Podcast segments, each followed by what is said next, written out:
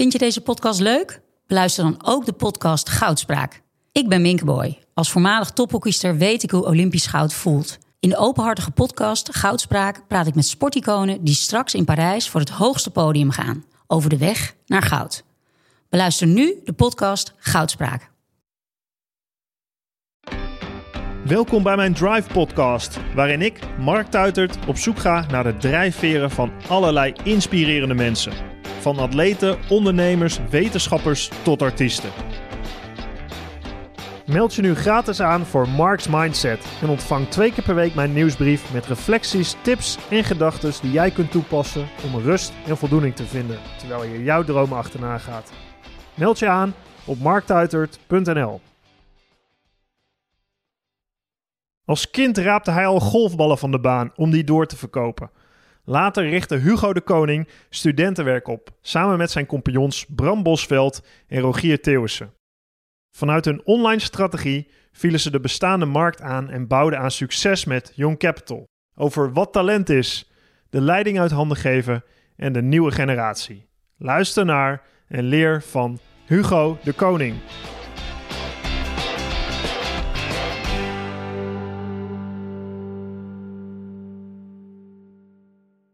Ik zit hier uh, op het kantoor van, uh, van mijn eerste baantje.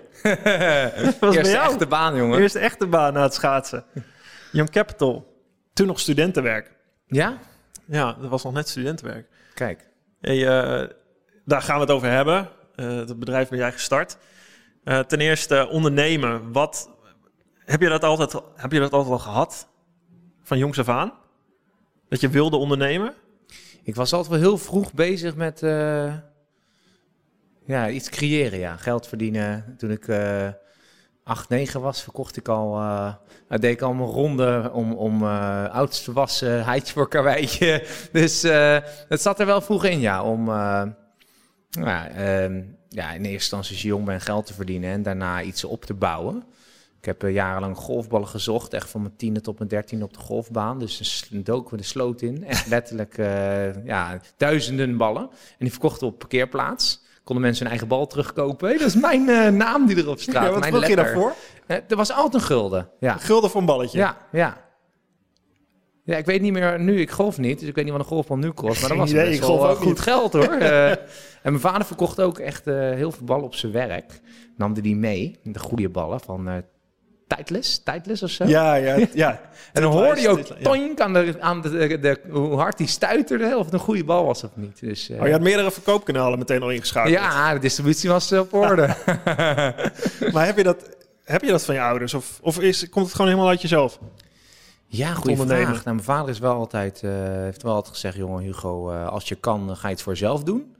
Um, nou, mijn moeder heeft nooit echt zo bovenop gezeten. Maar ik denk dat we bij ons in de buurt, in Al van de Rijn, waren we eigenlijk in een vriendengroepje waar we eigenlijk altijd wel bezig waren met uh, ook handel, uh, brommers opknappen, doorverkopen. Uh, ja, dat was gewoon een beetje. We hadden nog geen iPad, hè? Dus we gaan gewoon buiten, buiten bezig met keten en een beetje geld verdienen. Ja, ja. ja, want daar was je wel mee bezig. Je had er wel het doel van, hé, hey, moet wel, hè, was geen ja, hobby is het natuurlijk, maar er moet wel een soort uh, economische motor achter zitten. Ja, in, het begin niet. We vonden het gewoon leuk om die ballen te zoeken en in, in die sloten te zwemmen. En uh, ik heb nog een hollow gehad toen ik 14, eh, 15 was. Uh, gingen we op het, het winkelcentrum Hollocks verkopen. Was de lokale cafetaria super boos. Dus, maar ehm, ja, als je op een gegeven moment ouder wordt, uh, ik had wat horecabaantjes, zag je toch wel dat het uh, ja, gezelliger en beter is om iets voor jezelf te doen met uh, wat vrienden dan dat je voor een baas tot s'avonds laat achter de bar staat en nou, wat verdien je? Het is het drie, vier gulden per uur. Ja, dus ja horeca ik, is hmm, helemaal ja. keihard werken, ja. hard werken, laag ja. lonen. Ja, ja, dat is niet erg om hard te werken, maar ik, ja, als, je, als je zelf uh, twee of drie keer zoveel kan verdienen, is, was die keuze snel gemaakt. Ja, want hoe deed je dat dan? Was dat, uh, was dat met die hotdogcar? Uh, nou, to, toen wij um, hotdogs verkochten, nee, dat was eigenlijk toen ik in de horeca ging werken, was denk ik 15, 16 in het Parktheater in Al van der Rijn, dus met voorstellingen en koffie uitserveren en nou, dat heb ik niet zo lang volgehouden. toen ben ik eigenlijk gelijk daarna zelf een bedrijf gestart om internetsites te bouwen. Dat is een beetje in die uh, dotcom-periode, 96, 97, dat heel veel bedrijven die gingen naar het web en die hadden nog geen site. Dus Ja. wij gingen sites bouwen voor bedrijven. Ja, daar wist je al iets van van tevoren. Nou, mijn oom was toevallig best wel een hele goede programmeur. Ah. En eh, ik vroeg aan hem van, joh, eh, of mijn neef trouwens, joh, kun jij, als wij een klant binnenhalen, kan jij dan zo'n site bouwen? Nou, daar had hij een al een template voor, dat kostte hem een dagje tijd. Ja. Wij verkochten zo'n eh, website. Wat is het voor duizend gulden? En het kostte ons eh 100 of zo. Ja. Dus, eh, hij blij. Hij kon een avondje 100 eh, gulden verdienen en wij, nou, iets meer. Sorry, neef. hey, je weet het. Je weet het nu. Dat is lang geleden wel, hoor. Ja, gulden tijdperk. Ja, Ja. want jij, jij bent twee weken jonger dan ik ben. We zijn, we zijn in hetzelfde jaar, in dezelfde maand geboren, 1980. Ja, ja, Maar, eh, dus dan was je 16, 17. ja. ja. Dan had je toen gezegd, hey, dit is het. Want internet was toen echt... Ja, wij zagen wel eh, uit Amerika zoveel commotie en zoveel eh, kansen. We zijn natuurlijk opgegroeid met de personal PC. Mijn vader werkte bij IBM. Dus we zagen wel, eh, ik met Bram dan, die ook, waar ik dit bedrijf, Young Capital, me heb, al, al heel snel dat internet heel veel kansen bood om eigenlijk heel snel te kunnen schalen. En als je een site hebt, ja, kan je de hele wereld veroveren. Dan kan je gewoon concurreren met een, ja, met eigenlijk met iedereen. Ja, Met een blokker, met een V&D, met een... eh, nou ja, dat zie je nu met Coolblue en Bob.com gebeuren. Maar dat, dat zagen wij al best wel vroeg, ja. ja want in die tijd... Want volgens mij... Wanneer zijn jullie Young Capital? Nee, studentenwerk was het toen. Zijn jullie ergens... eh, 99 hebben we de domeinnaam geregistreerd. En 2000 zijn we echt eh, het bedrijf begonnen. Ja, want iedereen die in die tijd, hè, je het schoen van eh, ta- Takeaway, eh, er zijn meerdere voorbeelden. Ik denk eh, misschien Pieter, Pieter zat ook rond die ook. tijd. hè? Ja, Piet allemaal Zwart met 2000, Coolblue, ja. allemaal rond 2000. Dus de hele generatie, en dat is in mijn leeftijd allemaal, zijn Ja. allemaal eh, nu 40, Ja. al die jongens. Ehm, dat is wel, dat is het tijdperk geweest waarop, eh, waarop de pioniers, zoals jullie, zoals jij, ehm, de basis gelegd hebben. Waarom het nog, wanneer het nog makkelijk was om eh, een online community te bouwen. Ja. Ja, je had gewoon één zoekmachine, je had één website, die hoefde niet responsive te zijn. Je had geen mobiele sites, je had Ja. geen apps, je had geen Apple. Die, eh, nee, en je had Alta Vista als zoekmachine, kon je heel makkelijk Vista. manipuleren. Ja. Nee, dat, Netscape, eh, wat had je? Ja, Ja, klopt, ja. ja. internetbrowser. Die tijd.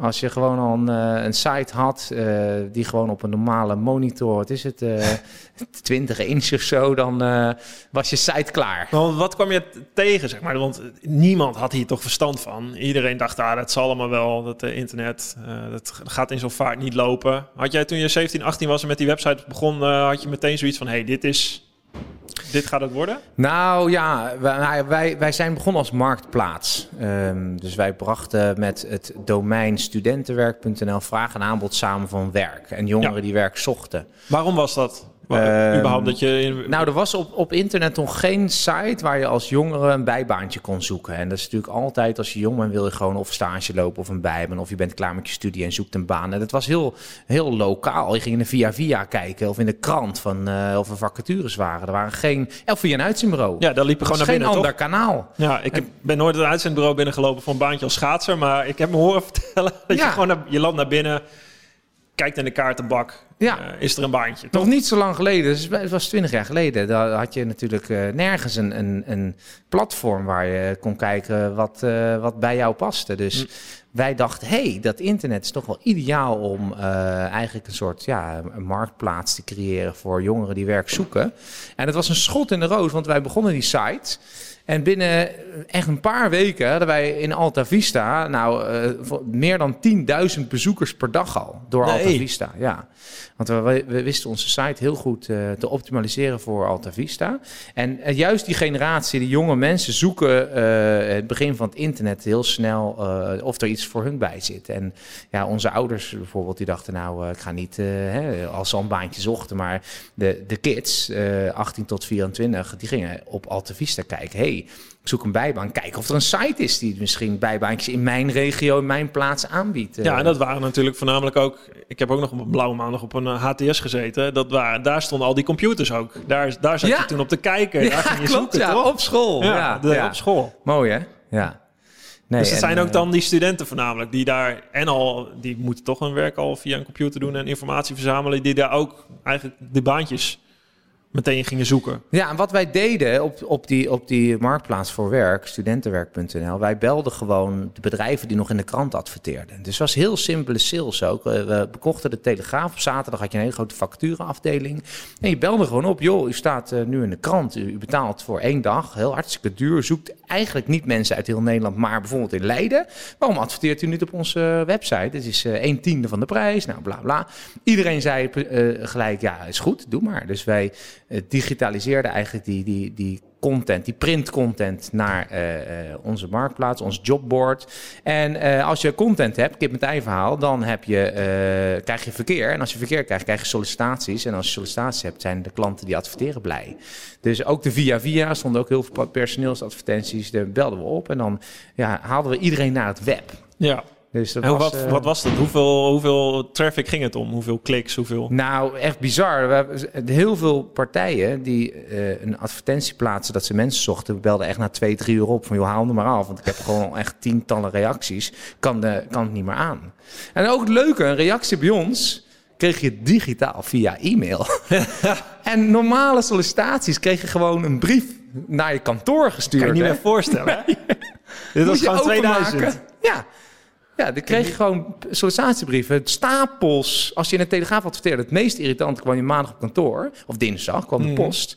Had je gewoon honderden brieven, die moest je allemaal lezen en netjes afhandelen. En die moest je eigenlijk ook via de typemachine, ja, je moest eh, die mensen wat laten horen. Iedereen moest weer terug in de envelop, postzegel erin voor iedereen die onder onze leeftijd is. en Mooi, deze hè? podcast luistert. Zo ging het dus, rond 2000. Nog Niet zo heel lang geleden. Ja. Ongelooflijk, Mooie tijd. ja. Mooie tijd. En eh, op een gegeven moment kregen wij dus eh, alle uitzenders die gingen op onze site adverteren. Dus de Randstad, Tempo Team, Adecco. En dat was wel lekker, want die grote uitzenders die hadden heel veel vacatures. En wij wilden heel veel content hebben, want dan krijg je dus meer verkeer, meer inschrijvingen. Maar die uitzenders namen ook een beetje ons jobbord over. Want als jij een bijbaan zoekt of je bent net klaar met je studie en je ziet eigenlijk alleen maar advertenties van Randstad staan. Ja. Ja, dat is niet relaxed. Je wil Nee. gewoon eigenlijk werken bij het bedrijf waar Randstad voor zoekt, direct in dienst. Ja. Dus toen hadden wij zoiets van, hé, dat, dat model wat we nu, hè, het businessmodel, dat, dat adverteren, advertenties verkopen, dat is ook een beetje plat. Eh, een beetje saai. We waren echt twee jaar gewoon aan het bellen, eh, een telesales. En eh, we verdienen natuurlijk wel goed, maar Ja, oké. Ja. Dus het verdienmodel was advertenties verkopen op het jobboard. Ja, het was en- geen eh, click-through model waarbij Nee, je nee, voor een klik betaald krijgt. Zo, ja. Nee, elke maand moest je betalen voor je advertentie, Hm. voor je vacature. Ja. En op een gegeven moment hebben we gezegd, joh, we stoppen met advertentieverkoop. We gaan gewoon alleen nog maar uitzenden. Dus we gingen eigenlijk onze klanten eh beconcurreren. Ja. Dus het was natuurlijk wel een hele spannende, waren de uitzenders niet blij mee. En toen... eh, Wat deed je dan? Alle, alle Randstad advertenties, alles eraf. Ja, van de een op de andere dag zeiden we, jongens, jullie kunnen niet meer bij ons adverteren. We gaan het zelf doen. Ja. En we wisten natuurlijk ook voor welke bedrijven zij heel veel mensen zochten. We hadden natuurlijk al die data. Dus eh, we gingen ook die bedrijven gewoon allemaal bellen van... joh, u kunt ze ook via ons inhuren. Is een, eh, een derde goedkoper. Eh, heeft u daar interesse in? De mensen komen al via ons platform. Ja, je wist de prijzen, ook. je wist de marges, je wist alles. Ja, ja, het is wel een beetje brutaal, maar eh, ach, ze hebben het ons vergeven. Ja, maar dit is toch eh, hoe het. Dit is dus het.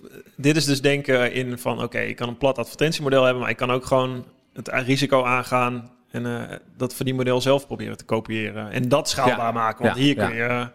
Ja, de waarde, toegevoegde waarde van uitzenden en recruitment is natuurlijk veel hoger dan alleen een advertentie plaatsen. Aan de andere kant, je hebt nu Indeed, dat is een paar jaar geleden opgekomen. is natuurlijk ook een gigantisch bedrijf, is eigenlijk ook een advertentiebedrijf. Mhm. Ehm, dus we, we hebben ook nog wel binnen ons bedrijf een grote tak die eh, eh, eh, op een gegeven moment wel weer advertenties gaan verkopen. Het zijn ook heel veel bedrijven die willen gewoon zelf werven, die willen niet een uitzendkracht. Volgens mij, als ik naar Young Capital kijk, weet je wel, dat was toen studentenwerk. Volgens mij heeft dat ook te maken met het begrijpen van die doelgroep, toch? Of niet? Want jullie waren, jullie waren die doelgroep. Ja, Jullie waren zelf eh 2021. Ja. Jullie, eigenlijk, ja, de mensen die jij wegzette, dat, dat waren, ja je staat er middenin. dat Je- waren je leeftijdsgenoten. Ja, absoluut. Ja, en eh, eigenlijk nog steeds. Het bedrijf groeit eh, mee met eh, ook onze leeftijd. Dus we bemiddelen steeds meer mensen. We hebben een grotere leeftijdscategorie. Ja. We, we hebben natuurlijk gewoon ook mensen van 60, 65 aan het werk. Maar de focus blijft wel 18 tot 26 ongeveer. Mhm. En hey, maar jij, bij ons, jij bent bij ons komen werken naar je schaatscarrière. Ja. Hoe was dat? Oh ja, dat was Eerste echt, echte baan. ja, dat was echt eh, heel, heel erg wennen.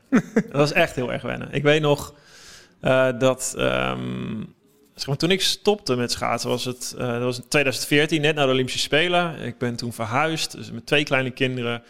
En je moet je een beetje voorstellen, zeg maar, als je als topsporter stopt... dan valt het hele grote doel in één keer weg. Dus ja, je bent gewoon eigenlijk een soort kip zonder kop... die overal heen wil vliegen. Dat is een hele moeilijke fase, lijkt. Super moeilijk, want je, je hebt zoveel... Nou, die drive die houdt niet op. Je bent niet in één keer van de een op andere dag een ander mens. Dat, is, dat doel is weg. Maar ja, dat, nou, je, je, hele lichaam zoekt naar zo'n nieuw doel. Eh, en toen, t- ik, dacht, ik dacht wel één ding. Ik ga niet, weet je, ik ga niet een paar jaar. Ik zie wel. Ik wil gewoon door. Ik wil wel kijken wat er te koop is. Kijken hoe het leven in elkaar zit. En toen kwam, toen zei Yves tegen mij, Yves Kummer, hè, die ken je ook goed, Mhm. een wederzijdse vriend van ons. Die zei, eh, weet je wat je moet doen, Mark? Je moet gaan werken. Ik zei, hoezo werken? Eh, ik heb al... Hè, of, hij zei, je- weet niet wat het is, zei hij. Ik zei, zo, ik weet niet wat het is. Ik heb, eh, ik heb 15 jaar lang topsport gedaan. Wat wat fuck, weet je? Dat is keihard werken. Hoezo weet ik niet wat het is? Hij zei, nou, ga maar doen. Hey, eh, en ik, ik ken nog wel een leuk bedrijfje misschien dat bij je past. Dus hij had het over studentenwerk. Studentenwerk, nooit van gehoord, kende ik niet. Dus toen ben ik eh, toen met Ineke en eh, Roos hè, s- eh, CEO en commercieel directrice.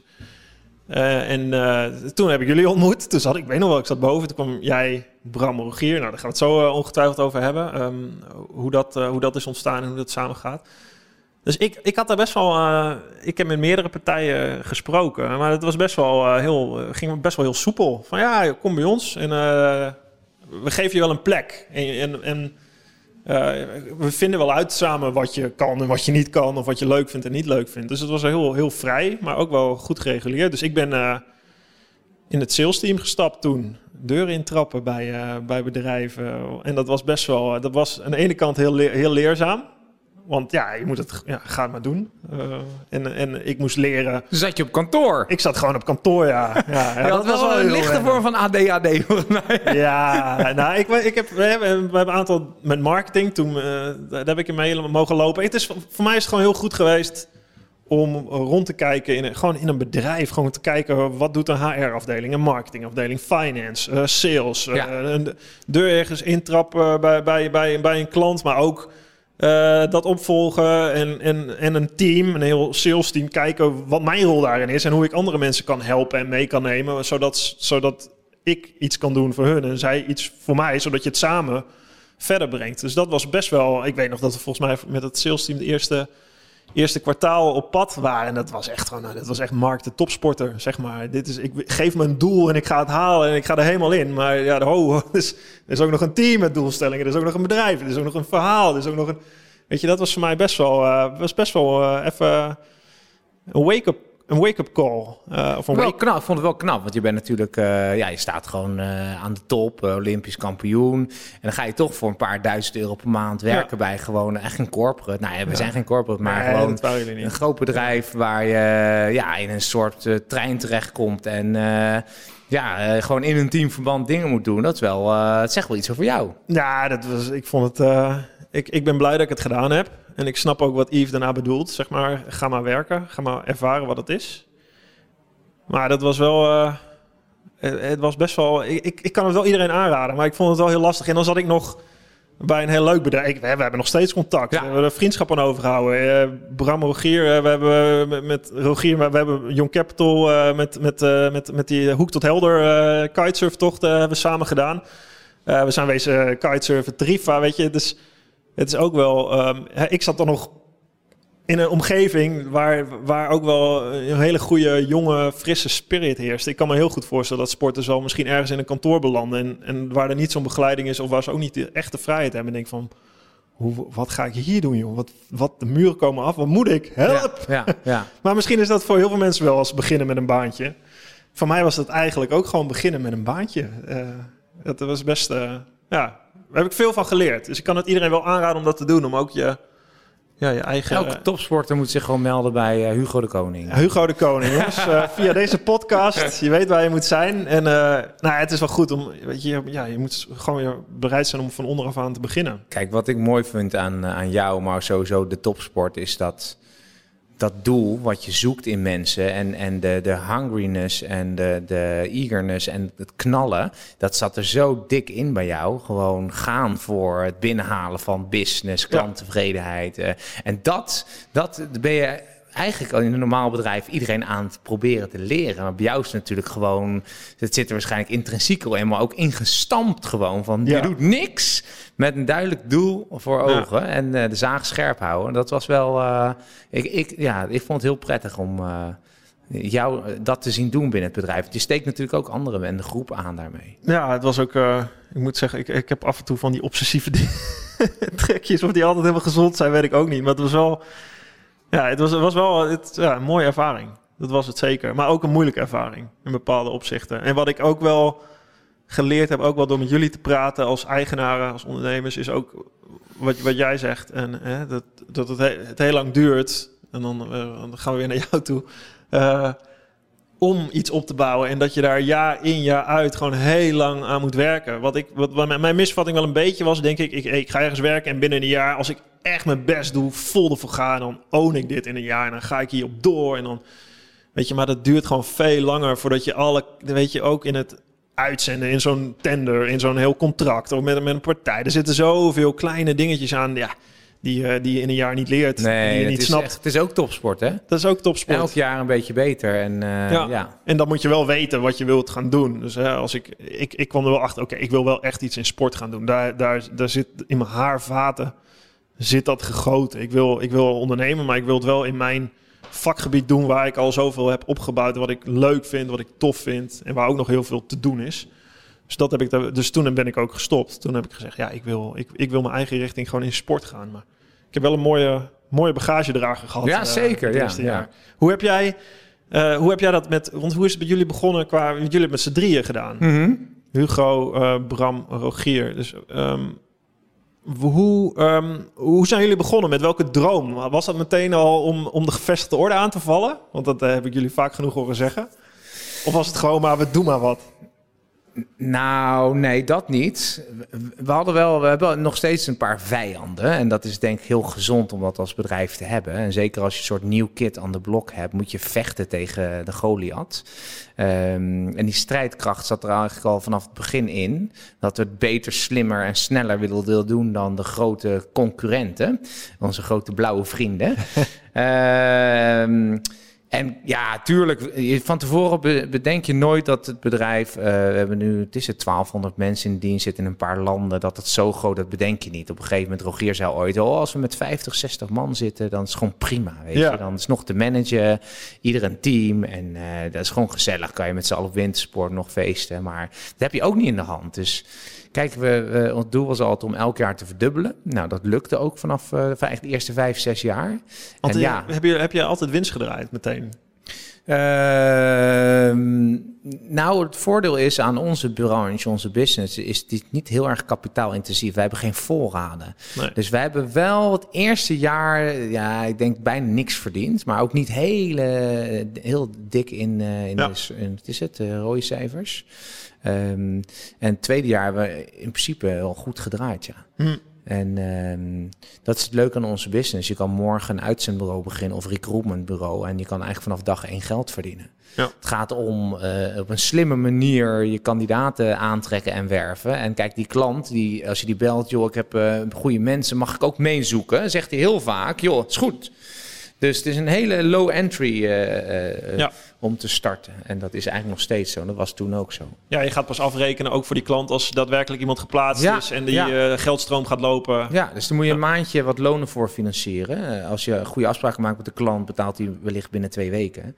Dus dat is, eh, ja, dat is te doen. Dat was te doen, eh, zeker in het begin. En wat deden jullie anders dan de gevestigde partijen? Nou, wij, wij waren eigenlijk begonnen als internetbedrijf. Dus ehm, wij waren een jobboard. eh, waarin we eigenlijk heel veel digitaal matchen. En wat je ziet in, in onze branche nog steeds, eh, de, de concurrenten denken als retailers.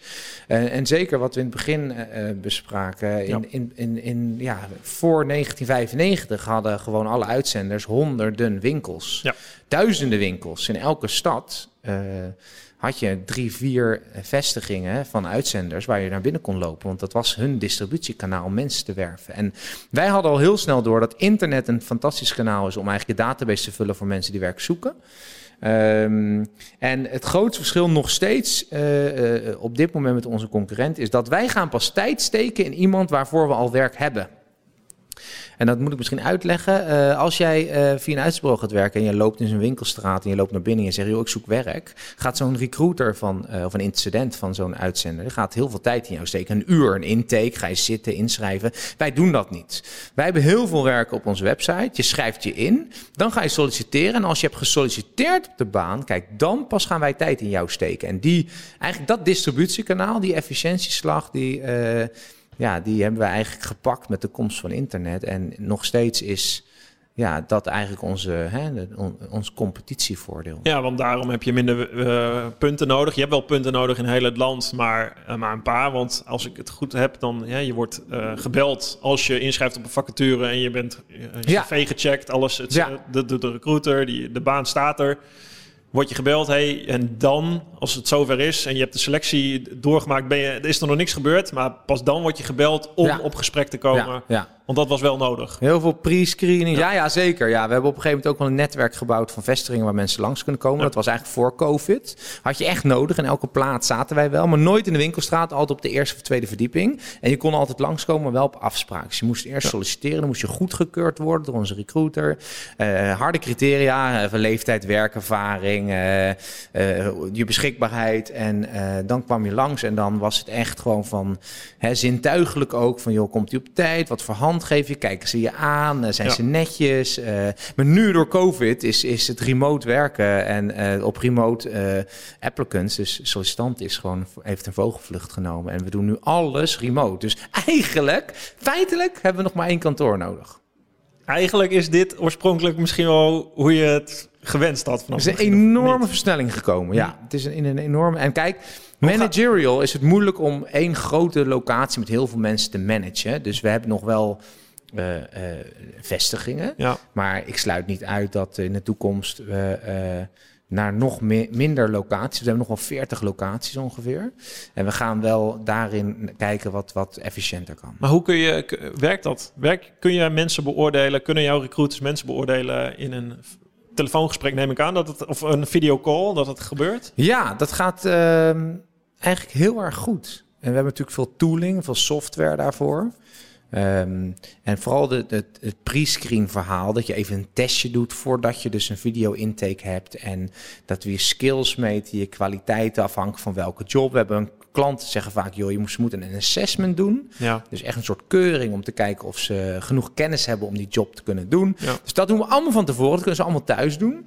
En dan is uh, die uh, screening belangrijk om te toetsen, hebben ze het echt zelf gedaan? Uh, kijken ze goed in de camera? Dan is het ook wel echt een soort intuïtief spel. En die intuïtie kan je natuurlijk minder goed meten via ja. video. Maar daar worden we, ja, je wordt er ook wel goed en beter in. Dus je begint eigenlijk wel met data. Je begint met gewoon een profiel voor, voor een baan. En je hebt een persoonlijkheidstest. Moet ik me iets hebben we ook, ja, afhankelijk van voor welke klanten we werven. We hebben bijvoorbeeld de banken.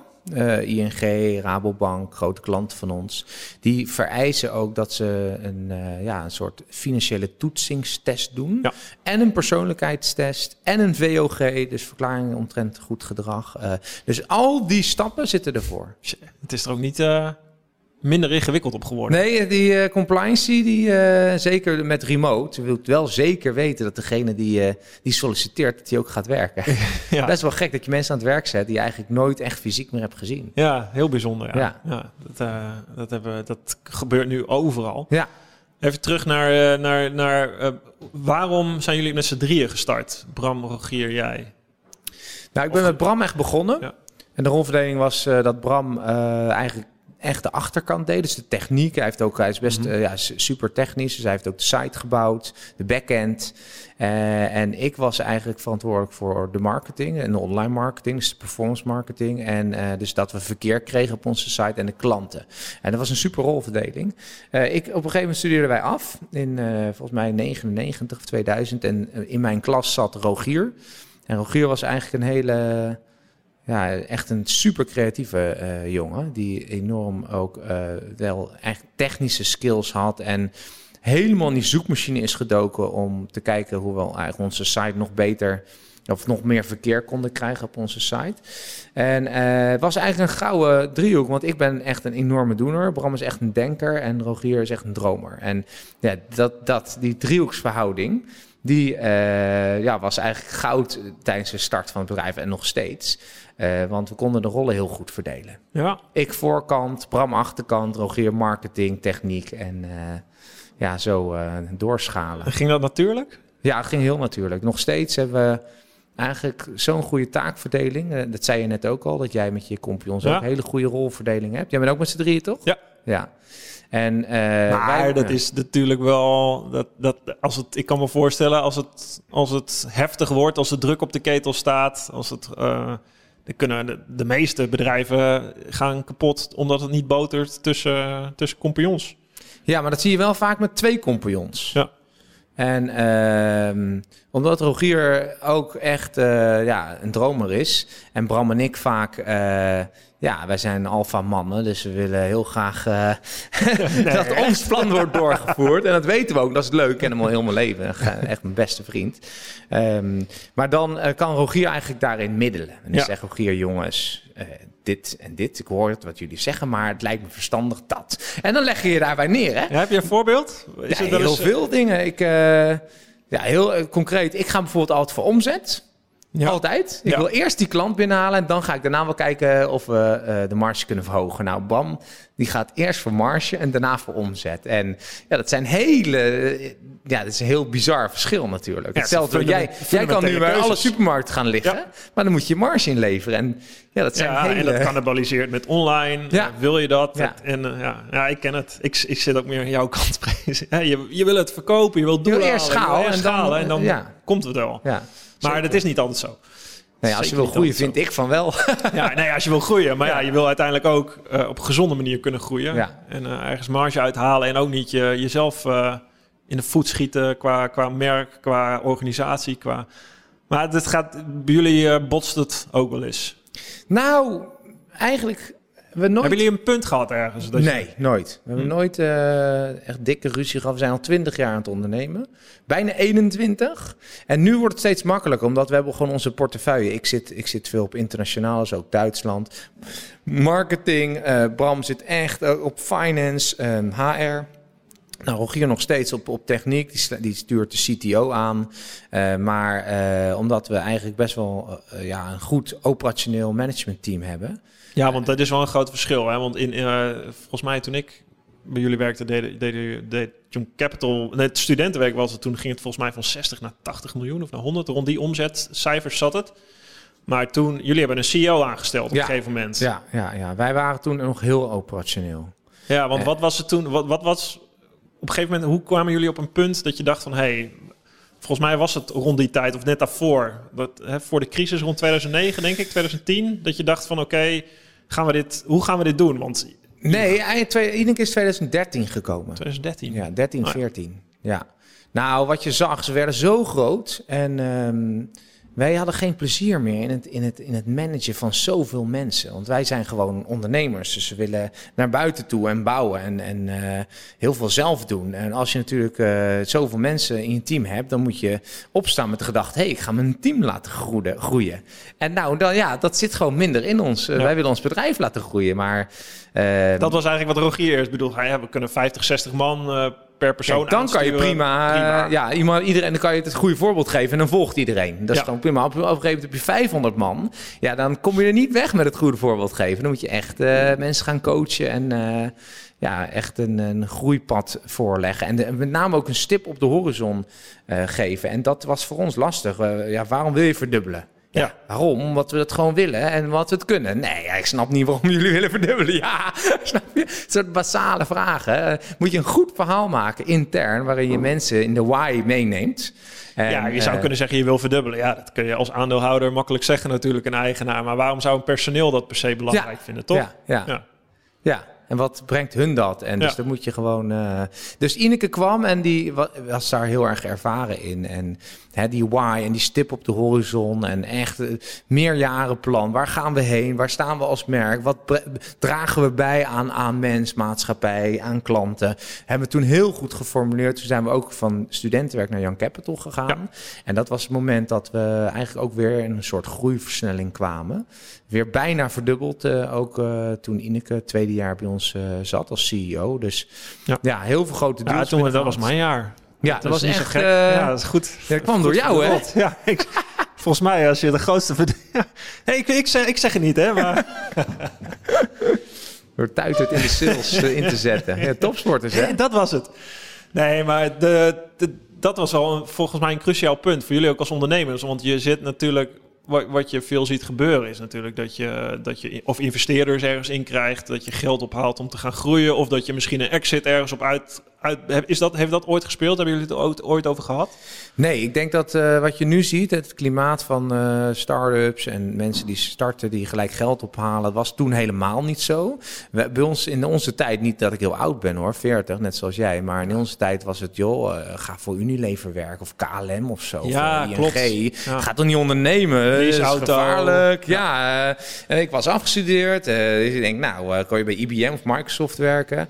Nou, Goed voor je cv, Goed, ja, ja, carrière. carrière, eh, leuk baantje. maar eh, dus eh, ja, in onze tijd was het heel raar om ook eh, naar investeerders te gaan. Dus we hebben het gewoon allemaal op- op- met eigen geld en eigen kracht gedaan. Eh, en we hebben ook het bedrijf opgezet van joh, als wij. ehm, ja, we willen de vrijheid. Eh, we willen geen andere aandeelhouders. We hebben geen behoefte aan eh, ooit een keer enorm te cashen. Omdat we draaien gewoon goed. We hebben een goed dividend. We verdienen genoeg. eh, zijn blij. Dus eigenlijk nog steeds, ja, wat moeten we dan, weet je? Je verkoopt je bedrijf en dan word je echt niet gelukkiger van. Misschien drie maanden, maar daarna ga je echt weer zoeken en dan ga je iets opnieuw proberen. En dat mislukt bijna altijd. Heb ik heel vaak gezien. Ja, ik heb het ook gezien. Ik heb het ook zelf ervaren trouwens, die drie maanden. Dat, ik zeg het wel eens tegen mensen ook. Na een gouden medaille ook. Dan denk je, ja, nou, als ik, hè, als ik dat win, dan de rest van mijn leven feest, champagne. en, na, en na drie maanden denk je, oké, ja. Was dit het? Ja, het gaat gewoon weer verder. Het is gewoon weer back to normal. En dat is maar goed ook. Zo, zo werkt het leven. Maar dat vind ik wel een mooie, belangrijke keuze ook. Je ziet natuurlijk wel, dat is het wel misschien tegenwoordig. Ook, ook met mensen die ondernemen. En, en soms moet je, denk ik ook wel. eh, iedere business is anders. Dus, maar dat je met het idee... Je ziet het vaak wel, dat ondernemers met het idee beginnen met een exit over zoveel jaar. Dan heb ik zoveel. En dan als ik dat geld heb, ik heb een bedrijf gebouwd, ik heb een exit gedraaid. Ja, dan heb ik, eh, hè, dan kan ik echt, dan pas kan ik echt doen wat ik leuk vind. Ja. Dat, dat hoor je dan. Maar jullie zeggen eigenlijk, nee, wij, we stellen iemand het minder leuke gedeelte, misschien waar we ook niet zo goed in zijn, daar stellen we iemand voor aan. Het is ook een, eh, een Ja. gutsy move bijna. Je hebt gewoon een CEO die, nou ja, die bedrijf leidt. Ja. Eh, dat moet je ook maar, eh, moet je ook misschien voor je over je ego heen stappen. Het zou voor heel veel mensen gelden. En je besluit om gewoon het bedrijf zo op te zetten dat je dit voor, voor altijd zou kunnen We doen. kunnen hier nog wel 50 jaar eh, Ja, hobbyen, ja. Ja, dat is nee, mooi. zeker. We zitten echt voor de lange termijn in. En eh, ook in onze branche heeft ook met de branche te maken. Want om bijvoorbeeld klanten binnen te halen... waar je dan hele meerjarige overeenkomsten mee afsluit... grote corporates, duurt soms ook tien jaar. Het duurt soms tien jaar voordat je een grote klant binnenhaalt... waar je mensen mag leveren. En ja, dus het is een hele duurzame business. Ja, dan ben je tien jaar bezig om te mogen leveren... mensen te mogen selecteren voor zo'n bedrijf. Over geduld gesproken. Ja, en dat, eh, ja, dat, dat, ja, het was nooit ons doel om dit bedrijf op te pompen en eh, naar, naar een exit te gaan. En eh, kijk, het, is, het leven is ook in zoverre misschien een beetje filosofisch, maar als je heel hard werkt en je kan daarna leuke dingen doen, dan zijn die leuke dingen doen veel leuker dan als je niks te doen hebt en de hele dag leuke dingen kan Ja. doen, toch? Dus met alles. Eh, als je iets te vaak eh, kan doen, ja, dan wordt het minder leuk. En wij knallen nog steeds heel hard. En dan gaan we kitesurfen smiddags. Ja, en dan ben je pas echt blij. Maar als je s'morgens zit te wachten op de wind, ja, dan is het helemaal niet leuk. Ja, toch? Ja, helemaal waar. Helemaal mee eens. Ja, Ja. maar dit belangrijke onderscheid is wel eh, waar heel veel mensen de mist in gaan. Ik zie ze ook, ook de topsporters die dat dan denken. Ik, hè, als ik goud win, dan ben ik gelukkig. Of de ondernemers die, als ik, als ik cash, dan ben ik gelukkig. Of dan kan ik echt doen wat ik... ik precies, je, je, in je hoofd hou je er geen rekening mee. Het is precies wat je zegt. Die filosofie klopt. Dus je, hè, je houdt er geen rekening mee dat je nu het leuk vindt, omdat je in dit leven zit. Ja. Eh, en dan is het heel leuk. Als je heel druk bent en je bent constant bezig hiermee, hiermee, dan is kitesurfen fantastisch Ja, voor twee, ja. drie weken. Ja. Ik vind kitesurfen geweldig. Ik denk, ik kijk ook de wij skiën vind ik ook fantastisch. Ik wil het liefst ook off-piste gaan en ik denk, oh, de hele winter in de bergen. En dat is wel misschien ook wel de misvatting. Ik weet niet hoe jij dat ziet. Hè? Als het gaat om een hele generatie die nu ook... Je ziet natuurlijk veel meer remote werken. Dat is aan de ene kant ook heel mooi. Maar ook een beetje de illusie van als ik maar in het, in het buitenland zit de hele tijd. Als ik, als ik dat maar doe, dan dat doen wat ik leuk vind. Dan, ja, dan, dan, eh, dan komt het wel goed. Eh, dan, dan, het is meer een levensstijl bijna aan het worden. Ehm, ik weet niet hoe jij dat ziet. Hè? Met, ook met, met jongeren nu. Van wat jij wel zegt, als je, als je een bedrijf hebt opgebouwd, je hebt er wel tien jaar lang dag in dag uit keihard voor moeten werken. Is, dat, is het ook wel hè, nu als, als ondernemers zin en, en een bedrijf beginnen is veel makkelijker, is veel meer geaccepteerd. Is dat ook de keerzijde dat mensen de, de andere kant niet zien? Ja, moeilijke vraag. Kijk, ehm, wat je ziet, er is natuurlijk zoveel welvaart, niet normaal. Ja. Ehm, en ja, niet dat ik, hè, wederom, we zijn 40, maar in mijn tijd, eh tenminste toen ik begon, eh, ja, ging ik nooit lunchen of zo, weet je. Of eh, uit eten. Nou, echt serieus, twee keer per jaar naar een pizzeria. nu ga ik ook, eh, en nu even Ja. niet, maar de jeugd gaat volgens mij één of twee keer in de week uit eten. En wat je ziet is dat wel vaak wordt vergeten als, als je nu start en je, en je zet een bedrijf op. Dat je, je, een bedrijf, een goed bedrijf, duurt minimaal vijf en nou, tussen de vijf en de tien jaar voordat dat staat. Ja. Kan bijna niet sneller. Dus ook van de 100 bedrijven die gewoon goed draaien, eh, zijn er gewoon 98 die gaan pas goed draaien na, na het vijfde jaar. Want dan staat je organisatie, je klanten, je leveranciers, dan klopt het gewoon. Je hebt je cultuur gebouwd. En dat vergeten natuurlijk heel veel mensen, dat je wel eh, gewoon, zeker als je start, gewoon eh, zo hard moet werken, dat, dat dag en nacht, dat zie je ook aan jou. Het gaat gewoon 24/7 door en dat hebben we ook jaren gedaan en dat moet je willen. Eh, en in, in, eh, ook toen wij startten in 2000 had je heel weinig afleiding.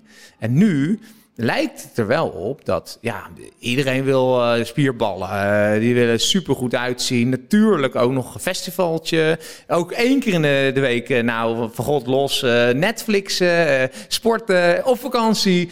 Ik ging ja, twee dagen op vakantie heel snel skiën en weer terug. En ja, dit is helemaal veranderd door de welvaart, denk ik. En Ja. dat is wel allemaal afleiding voor als je natuurlijk een bedrijf aan het bouwen bent. Ja, een vriend van mij die zegt wel eens... ze mediteren zich een burn-out in, zeg maar. Want dat moet ook nog. Je moet ook nog mediteren. Je moet ook nog rust. Je moet ook nog goed eten. Je moet ook nog voor jezelf zorgen. Ik wil ook met festival. Je- En dan heb je al die Alles, social alles, kanalen. alles. Die, al die, het Insta en TikTok en Snapchat. Ja. En eh, ja, ja dat is, het is allemaal afleiding. En die telefoon is natuurlijk ook heel slecht eh, voor... eh, ja, het is gewoon een soort verslaving. Hè. Je moet gewoon, als je werkt, je bel- bouwt een bedrijf op... dan moet je gewoon zo focussen op, op, op groei. En ja, en als telkens wordt afgeleid door WhatsAppjes... ja, het werkt niet echt goed. Ja. Hoe, eh, hoe ziet de wereld eruit voor, eh, voor die hele nieuwe, jonge generatie? Die jullie ook, eh, want daar focussen jullie je nog steeds, denk ik, op, toch? Mhm, mhm, mhm. Want de, hè, de- als we kijken nu hoe, hoeveel geld er in het systeem zit, hoe het economisch loopt, hoeveel bubbels erop worden gebouwd, denk ik dan, als ik het zo van een afstandje bekijk, als je kijkt naar wat er met de huizenprijzen gebeurt, een jonge generatie die opgroeit, die, die misschien niet eens een huis kan kopen, werk, wat gebeurt daarmee? Het is, het is best wel een, eh, een uitdagende periode aan de ene Ja, kant ook. ik, ik, eh, ik ben niet heel negatief voor, maar ik denk wel dat de jeugd, eh, de jonge generatie, de rekening gaat betalen van deze hele pandemie. En ehm, ja, er komt natuurlijk een correctie eh, van je welste. Er zit natuurlijk zo'n bubbel met, met de crypto's en de beurskoersen en eh, dat, dat moet gaan klappen. Eh, dat is een kwestie van tijd. Dat, de, de vraag is wanneer. Wel binnen vijf jaar, verwacht ik. Ehm, en, en ja, nu ook al, als je kijkt en je bent nu klaar met je studie. Eh, ja, het is geen prettige tijd voor, voor een starter. Dat eh, is natuurlijk het meest aanrelaxen wat er is. Je bent klaar, je, hebt, je bent afgestudeerd... en dan moet je Mhm. lekker op je kamertje bij je moeder gaan zitten... voor je eerste baan. Je onboarding vindt notabene thuis plaats op de zolderkamer. Je gaat lunchen met je ouders... eh, of op je studentenkamer. Het is natuurlijk echt een hele bizarre tijd. Ja. Ehm, Kijk, daarentegen, natuurlijk is en Thomas Cycli. Ik denk wel dat er nog steeds enorme tekorten zijn in, in, in bepaalde vakgebieden, op techniek, op IT, op finance. Dus daar liggen echt wel kansen. ook voor de, de MBO'ers. grote kansen, ook op, op, op technische jobs en ICT-jobs. dus daar, dat zie ik wel positief in. Ehm, ehm, en door schaarste. Um, en Nederland als soort kenniseconomie, denk ik wel dat, ja, dat natuurlijk na zo'n grote correctie. Uh, er iedereen wel echt dat de eh, werkloosheid niet enorm gaat stijgen en dat dat gewoon echt wel goed komt met die nieuwe generatie. Wat, uh, wat zou je voor een advies geven voor, voor, die, voor die jonge generatie vanuit, vanuit jouw perspectief? Nou, ik, ik, zou niet echt een advies geven, maar wel wat je al ziet gebeuren is dat het is natuurlijk zo mooi dat lifetime employability, wat eigenlijk de rijk nog steeds wilt en denkt dat jongeren dat willen, is natuurlijk gewoon belachelijk.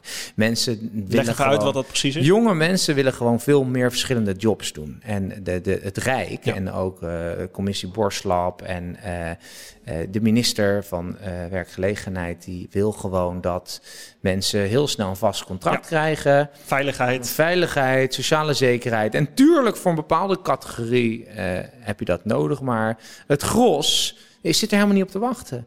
En als je ziet wat er uh, gebeurt nu al met het aantal freelancers en mensen die gaan ondernemen en gaan starten. Het is zo'n enorme grote groei in startende bedrijven. Uh, is natuurlijk fantastisch om te zien dat mensen hun eigen boontjes gaan doppen. En dat pensioen bouwen ze zelf wel op. En, uh... Maar is dat ook niet een heel groot risico voor die mensen die dat pensioen niet opbouwen, daar helemaal van afhankelijk zijn? Dat is ook makkelijk.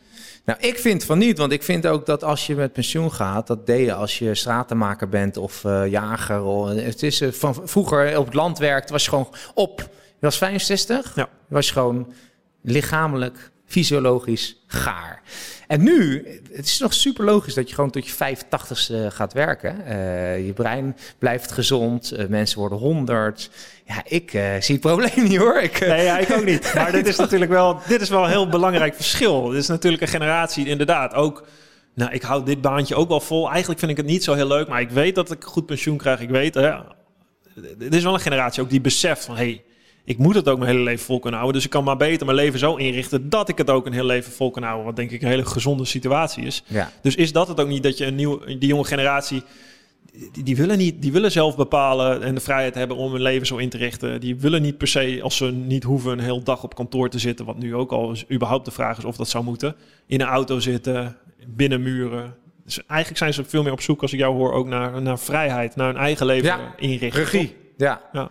En eh, tegenwoordig om, om iets goed te kunnen, je hebt YouTube en je zoekt het op. En je, je, je onboarding en de snelheid dat je iets kan is gewoon uh, vertienvoudigd uh, dan hè, voor internet. dus eigenlijk de, de beleidmakers, de beleidsmakers en de, en de mensen die de wetten maken. En ook het hele oude stelsel van pensioenen en vakbonden, dat is voor me, het is gewoon eindig.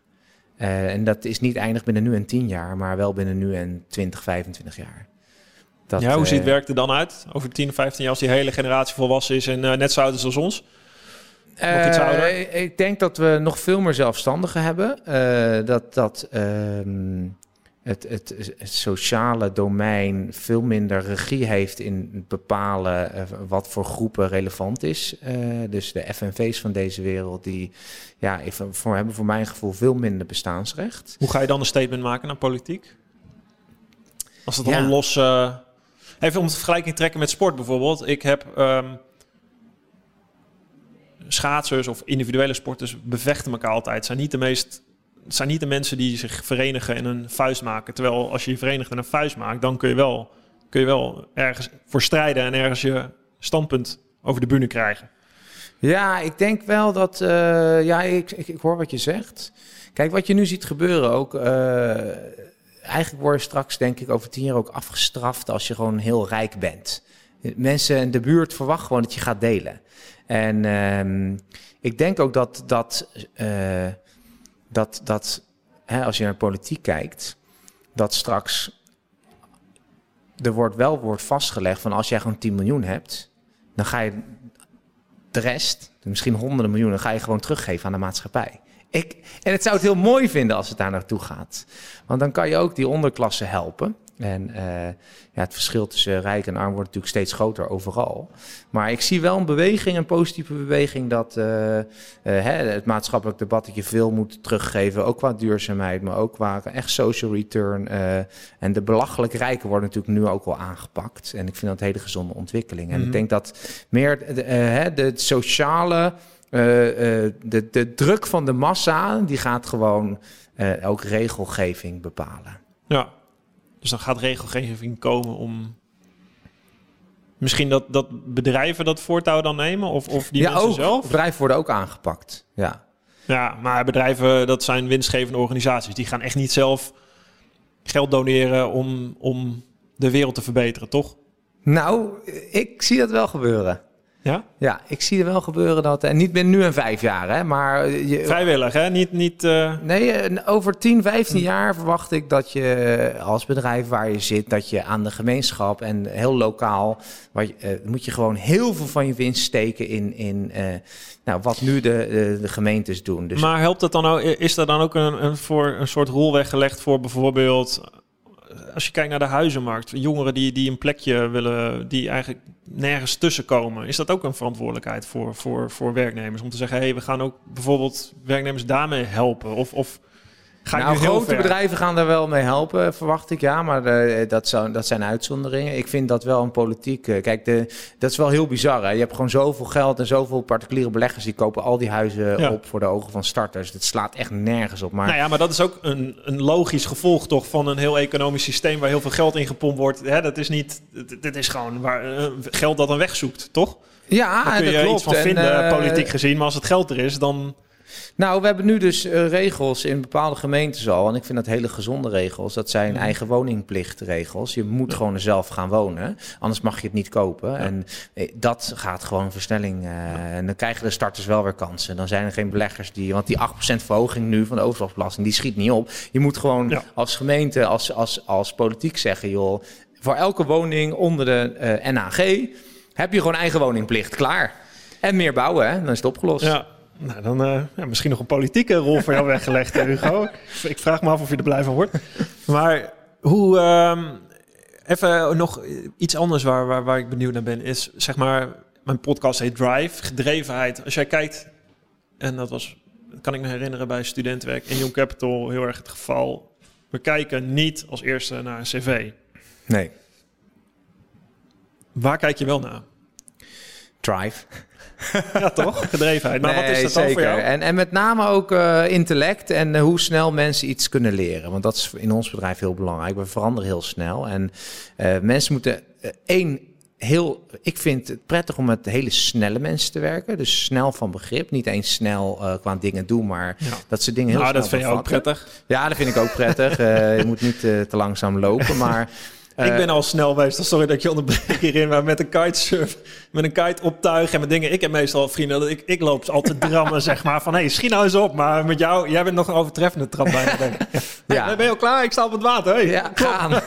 ja. Dat is ook mooi. En, en uh, als mensen dit, de, de growth mindset hebben, dus Ja. willen leren, hongerig zijn, eigenlijk nieuwsgierig. Ik ben van nature zelf en mijn compagnons ook super nieuwsgierig. Hoe zit dat? We stellen heel veel vragen en daar leren we van. En dan de, de toepassing van wat je hebt opgenomen en dat gewoon niet bedenken, maar doen. Dus het doen gewoon uh, met een drive, ja, dat is cruciaal. En zeker in ons bedrijf met heel veel jonge mensen is dat een, een ja, competentie waar we kijken niet eens naar cv. Joh. Het gaat echt om, om instelling, mindset, drive, snelheid. Uh, Hoe haal, achterhaal je dat? uh, we hebben testen voor. We hebben ook een heel soort cultuurassessment. Heeft ook een neurowetenschapper bij ons uh, uh, opgesteld. Dus we toetsen je op basis van bepaalde criteria of jij een growth mindset hebt of niet. Je, je bent fixed of growth. Ja. Nou, als jij growth mindset hebt en... Uh, Carol Dweck is ja, de gast ja, geweest ja, op mijn podcast Ja, ook. mooi hè? De- die, daar, die eigenlijk heeft die het helemaal gecoind. Growth en uh, static mindset, ja. Dit is een, de founder van uh, die filosofie. En dat is gewoon, uh, ja, dat bewijst zich bij, hebben mensen nodig, omdat we zo snel groeien en veranderen met een growth mindset. Ja. En dat past bij, in ons bedrijf. Ja, helder. Dus dat is eigenlijk de kern waar als persoon waar je naar kijkt, en dat zou ook voor een. Daar kijk ik eigenlijk ook naar. Ik geloof er ook heilig in. Ik zeg, de mensen die het echt iets willen leren eh, en zich daarvoor openstellen, die gaan het leren. Ik heb zoveel voorbeelden van stagiaires die bij ons stage liepen en die niks wisten van bijvoorbeeld performance marketing. Ik heb zelfs situaties dat we, we huurden iemand in voor 120 euro per uur, een performance marketeer. Was heel ervaren, wist, kende alle software, alle systemen, alle routes. 35 jaar volgens mij. En we hadden een stagiair. En die stagiair, die hebben we in drie maanden alles uitgelegd. En die kostte serieus 400 euro per maand. Die was na drie maanden twee keer zo goed en zo snel als die man waar we 120 euro per uur voor betaalden.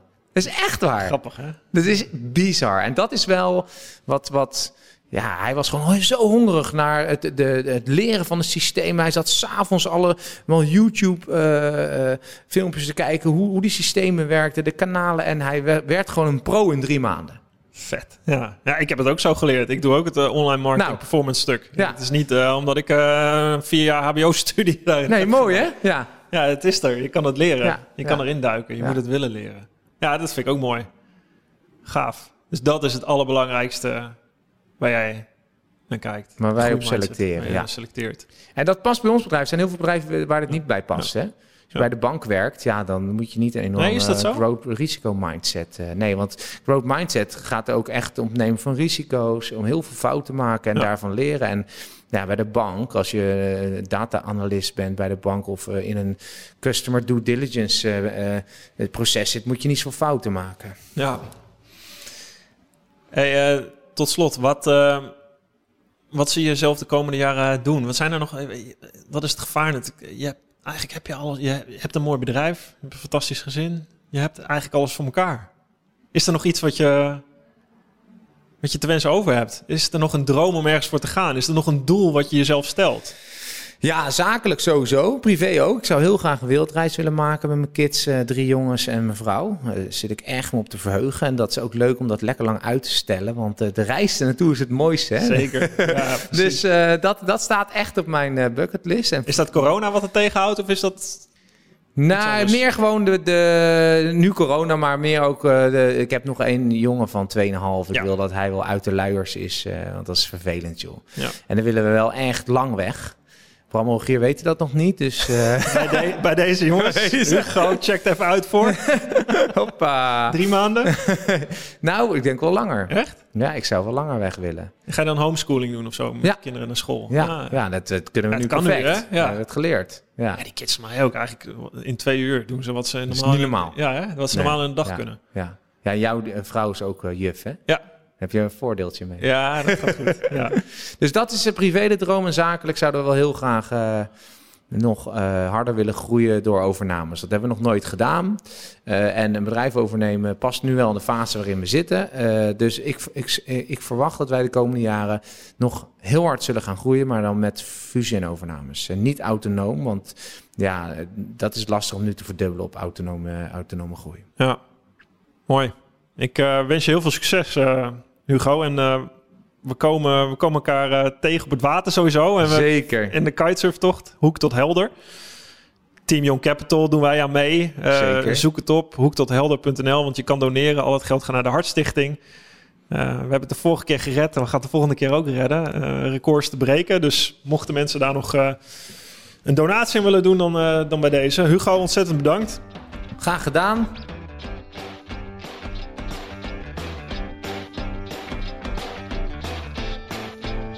Dank voor het luisteren naar mijn Drive podcast. Je vindt mijn aflevering op Spotify, iTunes, YouTube en mijn website marktuitert.nl.